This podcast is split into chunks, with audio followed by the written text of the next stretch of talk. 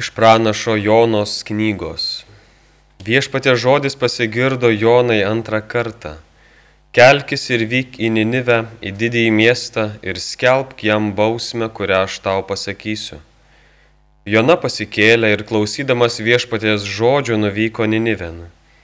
Ninive Dievo akims buvo didelis miestas. Jona pradėjo peiti tą miestą vienos dienos kelionę ir šaukė. Dar keturiasdešimt dienų ir Ninive bus sunaikinta. Ninivės gyventojai tikėjo Dievu, paskelbė pasninką ir apsivilko atgailos drabužiais, didis ir mažas. Pasiekus šiai žiniai Ninivės karalių, tasai pakilo nuo sosto, nusimetė karaliaus apseustą, apsivilko atgailos drabužiu ir sėdo į pelenus. Jis liepė paskelbti Ninivėje tokį karaliaus ir jojo didikų potvarkį.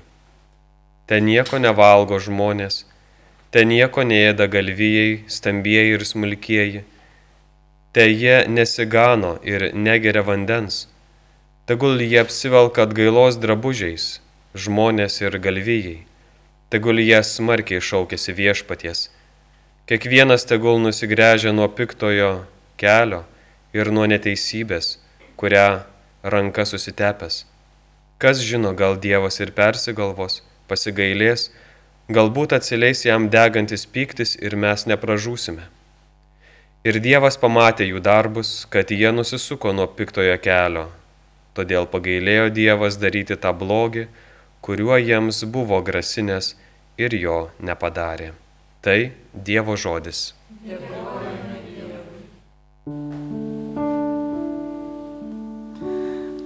Pačios nuolankios širties, tu Dieve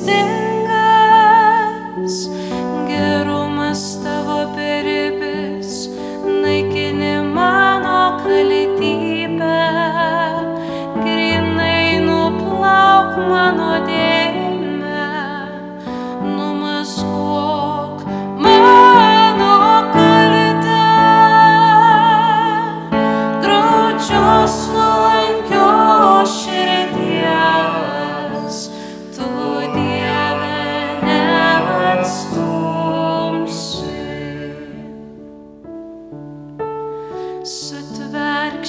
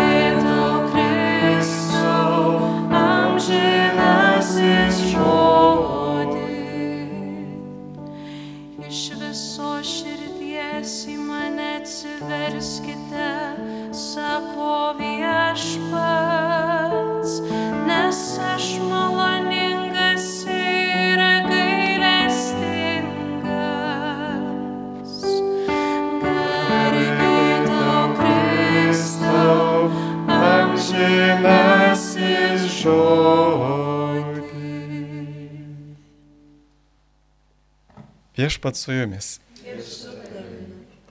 Iš Ventosios Evangelijos pagal Luką.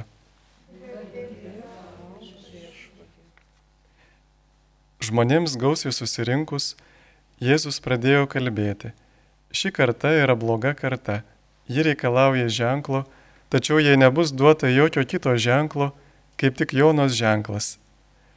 Kaip Jona buvo ženklas Niniviečiams, taip žmogaus sunus bus šitai kartai. Pietų šalies karalienė teismo dieną prisikels drauge su šios kartos žmonėmis ir juos pasmerks, nes jie atkeliavo nuo žemės pakraščių pasiklausyti Saliamono išminties, o štai čia daugiau negu Saliamonas. Ninivės gyventojai stos teisme draugė su šia karta ir ją pasmerks, nes jie atsivertė, išgirdė Jonos pamokslus, o štai čia daugiau negu Jona. Girdėjote viešpatie žodį. Angelio žodžiai ten naikina mūsų klaidas. Ar blogai, kad žmonės reikalauja ženklo? Labai svarbus kontekstas, nes, pavyzdžiui, Morkaus aštuotam skyriuje žydai pareikalauja ženklo iš dangaus, po to, kai Jėzus jau antrą kartą padaro viešą stebuklą, pamaitina kelis tūkstančius vyrų, neskaitant moterų ir vaikų. Ir kodėl jie reikalauja ženklų iš dangaus? Nes jie galvoja, kad Jėzus daro ženklus iš žemės su šetono gale. Ir todėl jie prašo ženklo ne iš žemės, bet ženklo iš dangaus. Ir kodėl jie mato Jėzų kaip velnio apsėstą? Na, galim prisiminti tokį pasakojimą, kaip žmogus sėdėjo pakelyje ir ant akmens ir pro šalį ėjo kiti žmonės ir vienas eina pro šalį ir sako, o sako, paleistuvis sėdi ir merginas užkabinėja. Praeina kitas, sako, na, sako, tinginys sėdi visą dieną ir nieko neveikia. Praeina trečias, sako, darbštuolis turbūt visą dieną dirba, dabar prisėdo palisėti.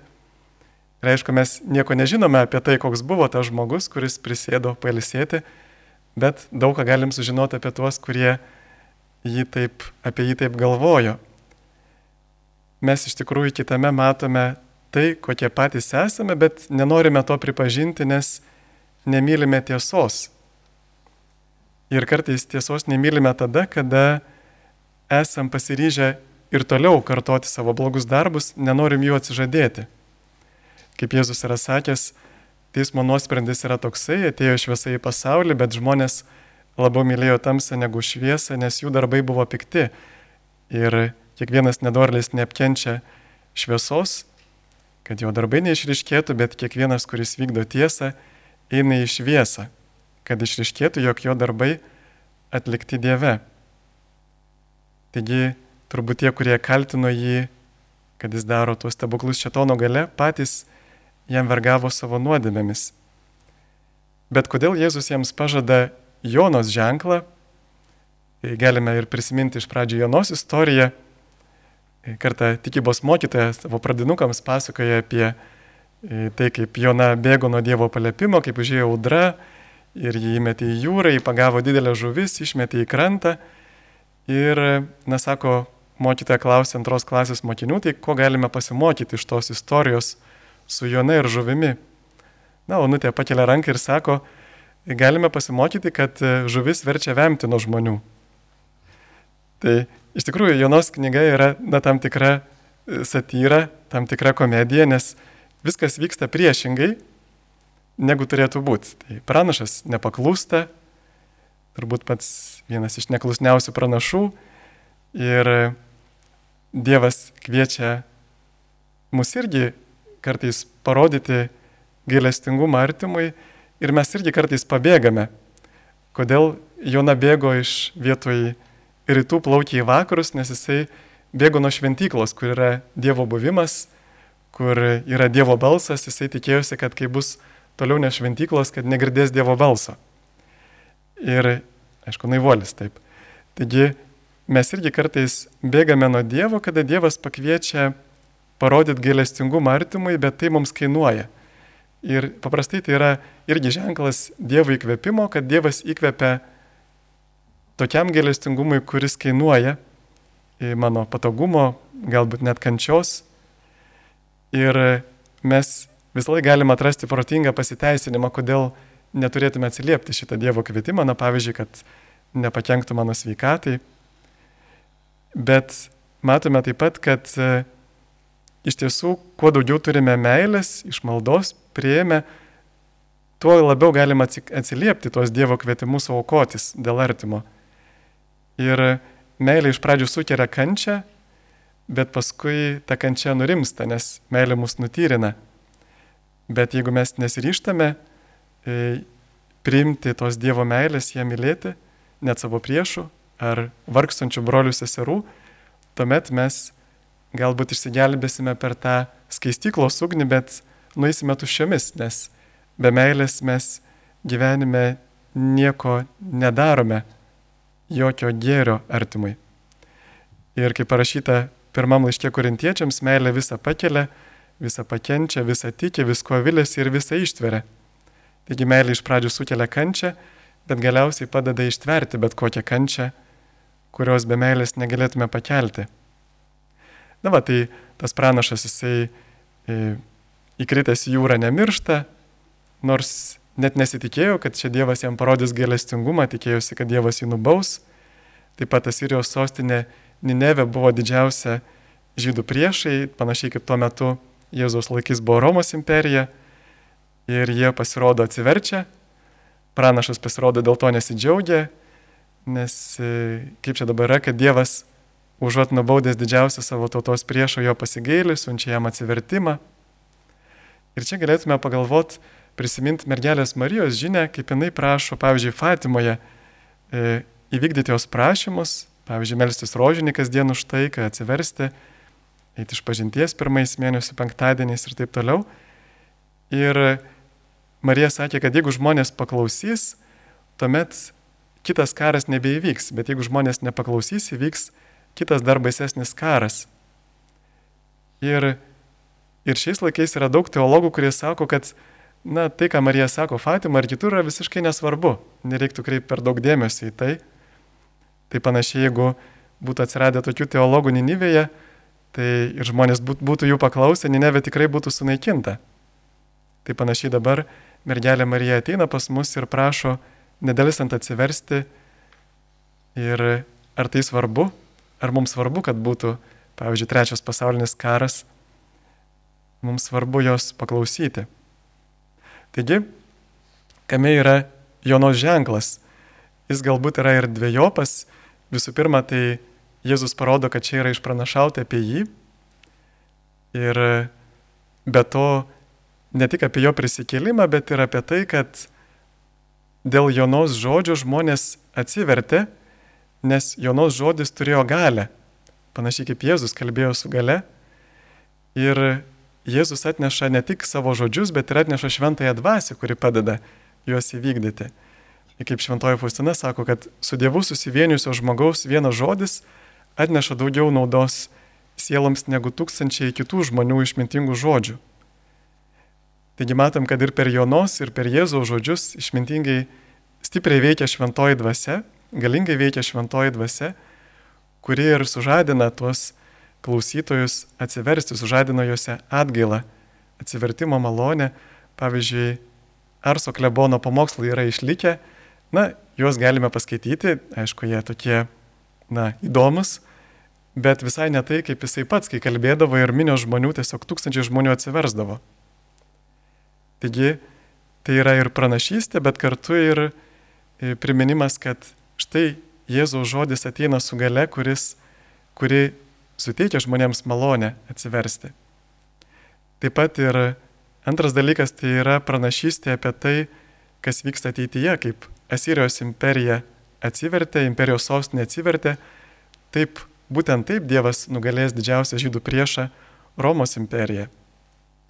Ir pagonis, tie didžiausi priešai atsivertė, o išrinktieji liko užkėtėję. Kaip e, mums dažnai nutinka, kaip tam Petriukai irgi iš, iš kito anegdoto, kai tikybos mokytojas sako, Petriuk, ar norėtum patekti į dangų? Petriukas sako taip, bet mama liepia grįžti namo. Tai mes tikrai turime visą laiką kitų užsiemimų, o ne užsiimti Jėzaus reikalais ir keliauti į dangų.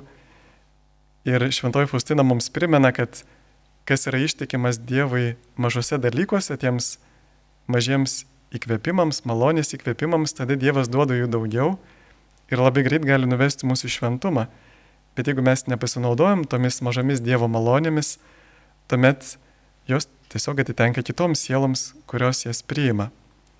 Ir Jonos istorija rodo, kad pirmieji iš Dievo gavę daugiausia dovanų pamažu išsuka iš kelio tampa paskutiniais, o paskutiniai, kuriems Dievas parodo didžiulį gailestingumą, atleisdamas jų gausias nuodėmės, jie iš dėkingumo tampa pirmaisiais, kaip ir Jėzus kalbėjo apie tą nusidėlę, kad jai daug atleista, nes jie labai pamilo, ką mažai atleista, tas menkai myli. Amen.